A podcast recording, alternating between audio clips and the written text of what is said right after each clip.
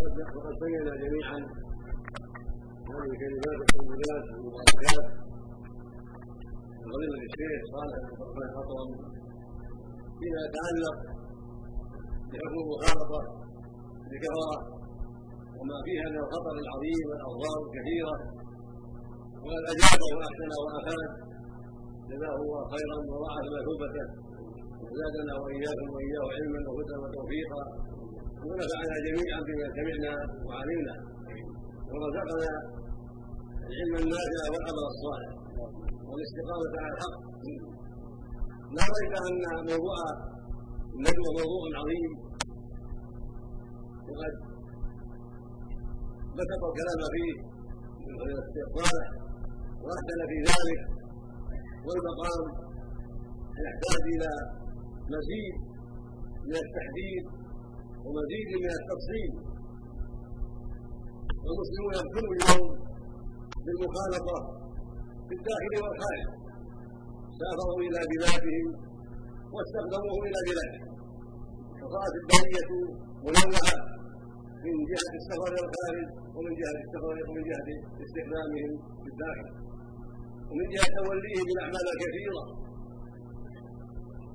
لا من جهة الشركات ولا من جهة المستشفيات ولا من جهة الأعمال الأخرى ولا من جهة خدام البيوت والمربيات وغير ذلك. وقد تنوع الخطر وعظمه المصيبة. ولا تجعل ذلك شر كثير وفساد عظيم. ولا جواب لذلك إلا النشاط المتواصل من الدولة وفقها الله ومن أفراد المسلمين. في محاربه هذا البلد. بعدم استخدام الكفره جميع ذكورهم وإناثهم. وبعدم السفر إلى بلادهم. إلا بالشروط المعتبرة شرعا. واستخدام الكفار سمعتم كلام صاحب الفضيلة الشيخ صالح. أدلة تحريمه وما فيه من خطأ.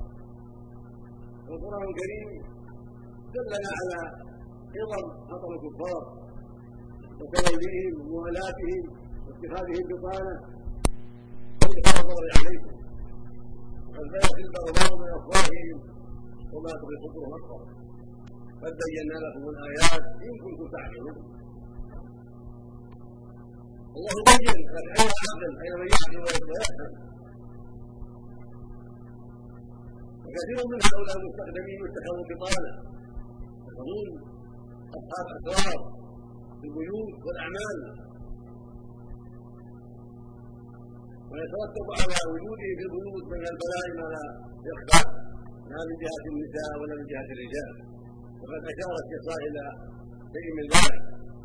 وله في الأحد ليس هذا في الأمر خفي استخدام الكفار وجوده في البيوت ووجوده في الأعمال أضراره لا تحصى أضراره لا تحصى يأتون بعاداتهم وخبيثة ويأتون بعقائدهم الباطلة الكفرية ويعلمونها الناس وينكرونها بين الناس بين العمال الآخرين وفي البيوت بين الناشئات الصغار من ذكور وإناث فيتربى الصغير على عقائد خبيثة وعلى عادات كفرية سأل جاء في البيت عن أمر.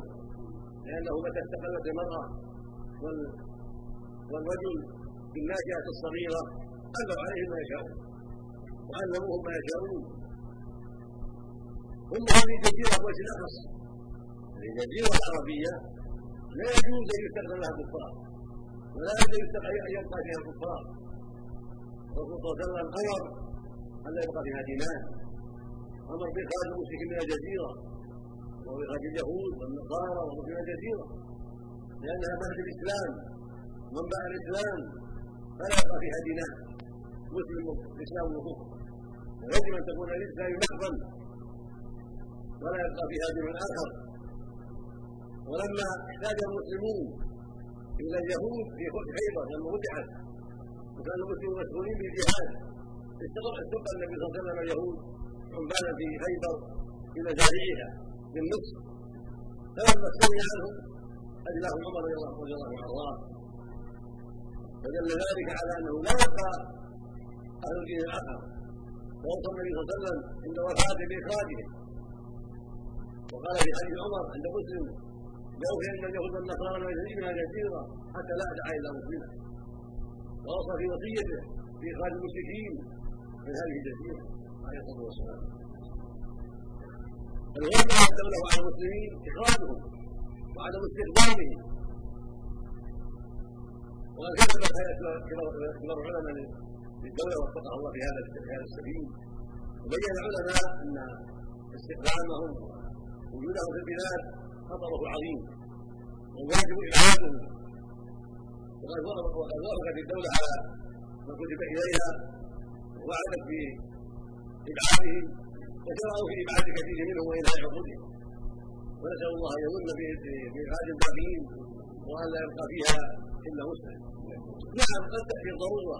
قد تبيح الضرورة استخدام مهندس للضرورة طبيب للضرورة مدة معلومة ثم يذهب اذا استغني عنه أو جاء بدله من المسلمين أما بهذا الطريق استخدام الكفره كثير استخدامه من البلاد من الهند من النصارى من بلاد النصارى من أمريكا من كذا من كذا. هذا ضرره عظيم خطره كبير. فالواجب أن يبعدوا وأن لا يستخدم إلا المسلمون مع مع مع العناية أيضا بالمسلمين. لأن في المسلمين من يضر أيضا وجودهم ببدعتهم وكفرهم وإن ادعى الاسلام قد يدعون الإسلام وهم كفار في الباطل؟ هم باب قبور يعبدون الأولياء يعبدون الأنبياء يعبدون القبور. يستغيثون بالأموال ينظرون له ولا يكفرون بالله. هذه وثنيه هذا من اليهوديه والنصرانيه فالواجب لا يستقبل الا مسلمون مع وجود ينتقون ينتقى فإن يريد الاستقبال ينتقي يسأل من هناك ولا يستخدم إلا على بصيرة.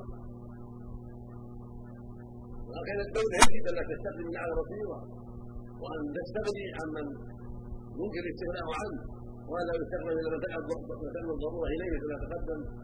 من مهندسين أو أطباء الضرورة إليهم بصفة مؤقتة لأن وجودهم في البلاد الرياض وغير البلاد وغير في كل مكان من هذه الجزيرة ضرره عظيم واكثره لا تحصى والمربيات والخادمات هذا الباب يجب أن لا يستخدم ابدا لا كافرة ولا كافر.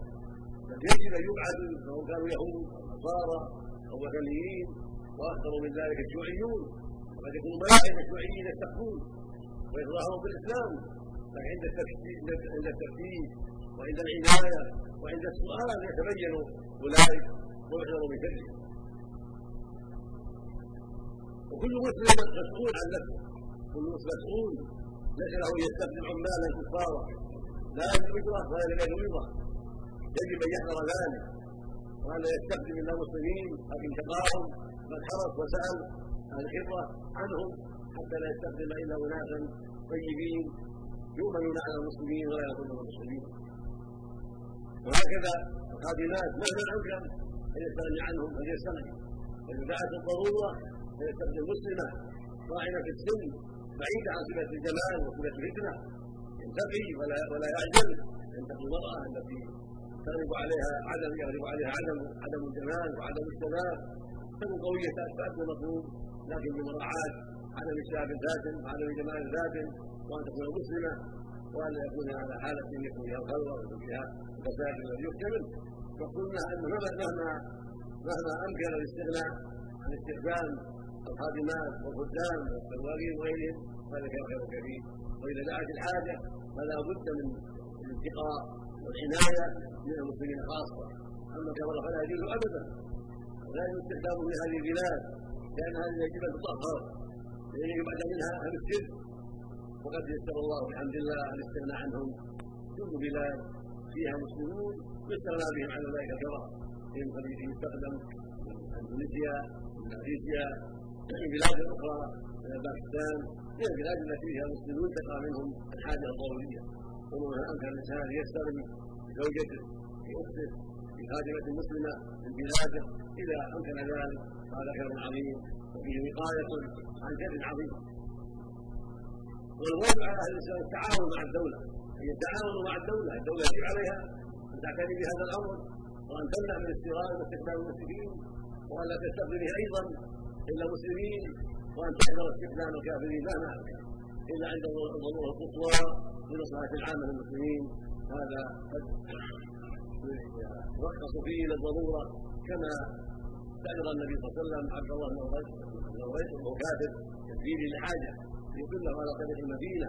وكما أبقى اليهود من خيبر مدة مؤقته للحرب والسلاحه من حاجة شديده بسبب استقال المسلمين بالجهاد فالمقصود إن هذا واشباهه هو الذي يجوز للحاجة المؤقته الضروريه شديدة ولا يجوز التوسع ولا يجوز التساهل في هذه الأمور لأن الله عظيم وخطرها جسيم أما السفر إلى بلاد الكفار هذا بلاء عظيم. إذا سافر إلى هناك خلع رقه الحياة وخلق التحرر خلعه والاحتياط وتوسع في كل شيء إلا من عصم الله. توسع في الفساد والخمور والزنا والاختلاط بالكفرة. الشر عظيم في السفر إلى بلاد الكفار وجاء الاسلام بتعليم ذلك. يقول النبي عليه الصلاة والسلام بين كل مسلم وبين المسلمين. وأخبر سبحانه وتعالى ان اولئك توفت الملائكة وجر عليهم ما جرى اربعه ملائكة الا تكون الله واسعة تهاجر فيها واولئك مأواهم جهنم وساءت مصيرا الذين قاموا بين المسلمين ولم يهاجروا.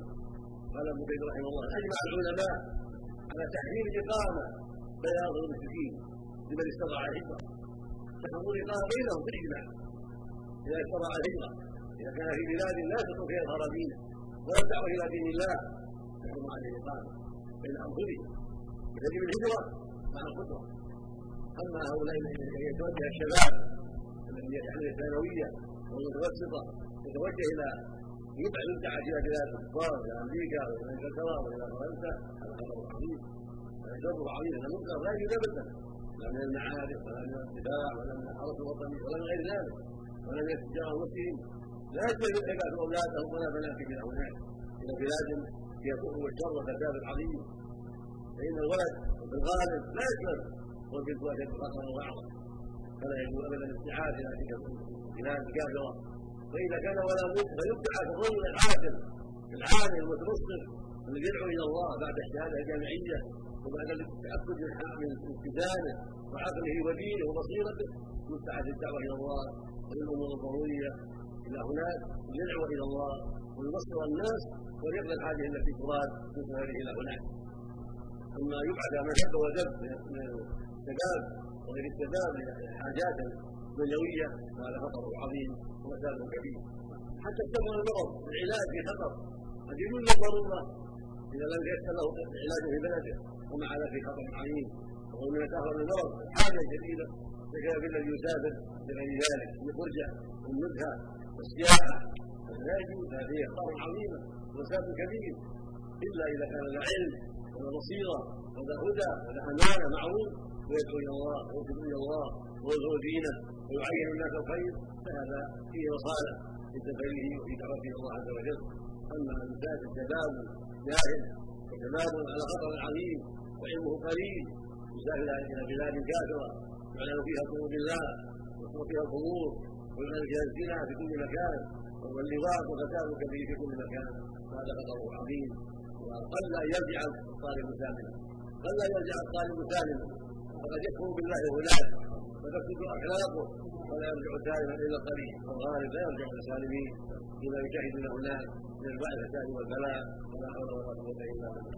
الواجب على أهل الإسلام اينما كانوا الواجب عليهم أن يخافوا الله وأن يراقبوا الله وأن يحذروا هذه الاسرار هذه الاسرار لبناتهم أو أبنائهم وأن يعاونوا الحكومة ويجاهدوا مع الحكومة ومع ومع المسؤولين في الحكومة على عدم تفرق هؤلاء وأن يحرصوا كل الحرص على أن تكون دراساتهم كلها في الداخل وأن يقابل لهم الأساتذة ومدرسون من الخارج حتى يحضروا فالدوله بحمد الله قويه وتستطيع إحضار الأساتذة والمدرسين لكل فن ولكل حاجة ويبقى الطالب في بلاده ويبقى بين أهله وبين إخوانه فهذا أقل ضررا وأقل خطرا نسال الله يوفق الدولة والمسلمين نسال الله يحفظ بلادنا وابنائنا وبناتنا لكل ونسال الله أن يحفظ مجتمعنا من كل شر. وأن ينبه الشيخ صالح على ما حصل مثل دعوة الشيخ محمد رحمه الله من الوهاب ونصر الحله في باب الدعوة. من الخير العظيم في هذه البلاد في هذه الجزيرة في نجد وفي غيره. حصل في ذلك الخير العظيم. وقفه من الشرك والفساد. وكانت بلاد نجد مثل غيرها وشر. بالكفر بالله وظهور الفساد والزنا والفواحش وتحكيم غير شريعة الله إلى غير ذلك فجاء الله بهذه الدعوه المباركه في منتصف القرن عشر. كما الشيخ محمد رضي الله عليه فدعا إلى الله ونصره علماء الحق ونصره أهل الحوت واستقر من ذلك خير عظيم وجهاد كبير ودعوه انتشرت بين الناس حتى ظهر دين الله في هذه البلاد. وحتى ذهب الشرك وحتى خدمت بامن على القبور وحتى طبع على الأقدام والأوثان وحتى ظهر الحق. واندمج الباطل وزالت آثاره باسباب الدعوه المباركه ومن سبب الجهاد العظيم وتنفيذ حدود الله وتنفيذ التعزيرات الشرعيه لمن خالف أمر الله. وصارت هذه البلاد مضرب مثل بالاستقامه والهدى والأمن والخير. وصارت تذكر بأحوال المسلمين في المدينة في عهد النبي صلى الله عليه وسلم وعهد الصديق وعهد عمر رضي الله عنه وعهد عثمان بسبب قلة البدع بل عدم البدع وانتشار الخير ووجود الدعوة إلى الله وظهور التوحيد وعدم الشرك. ثم انتشرت هذه الدعوة في بلاد المجاوره الشام ومصر والعراق وانتقلت إلى الهند وانتقلت إلى بلدان كثيرة نقلها العلماء والأخيار وتصرفوا هناك بالدعوة إلى الله عز وجل. وانتشرت المؤلفات الإسلامية في الدعوة إلى التوحيد بأسباب هذه الدعوة الطيبة المباركة. فجزا الله الشيخ محمد وانصاره وأعوانه.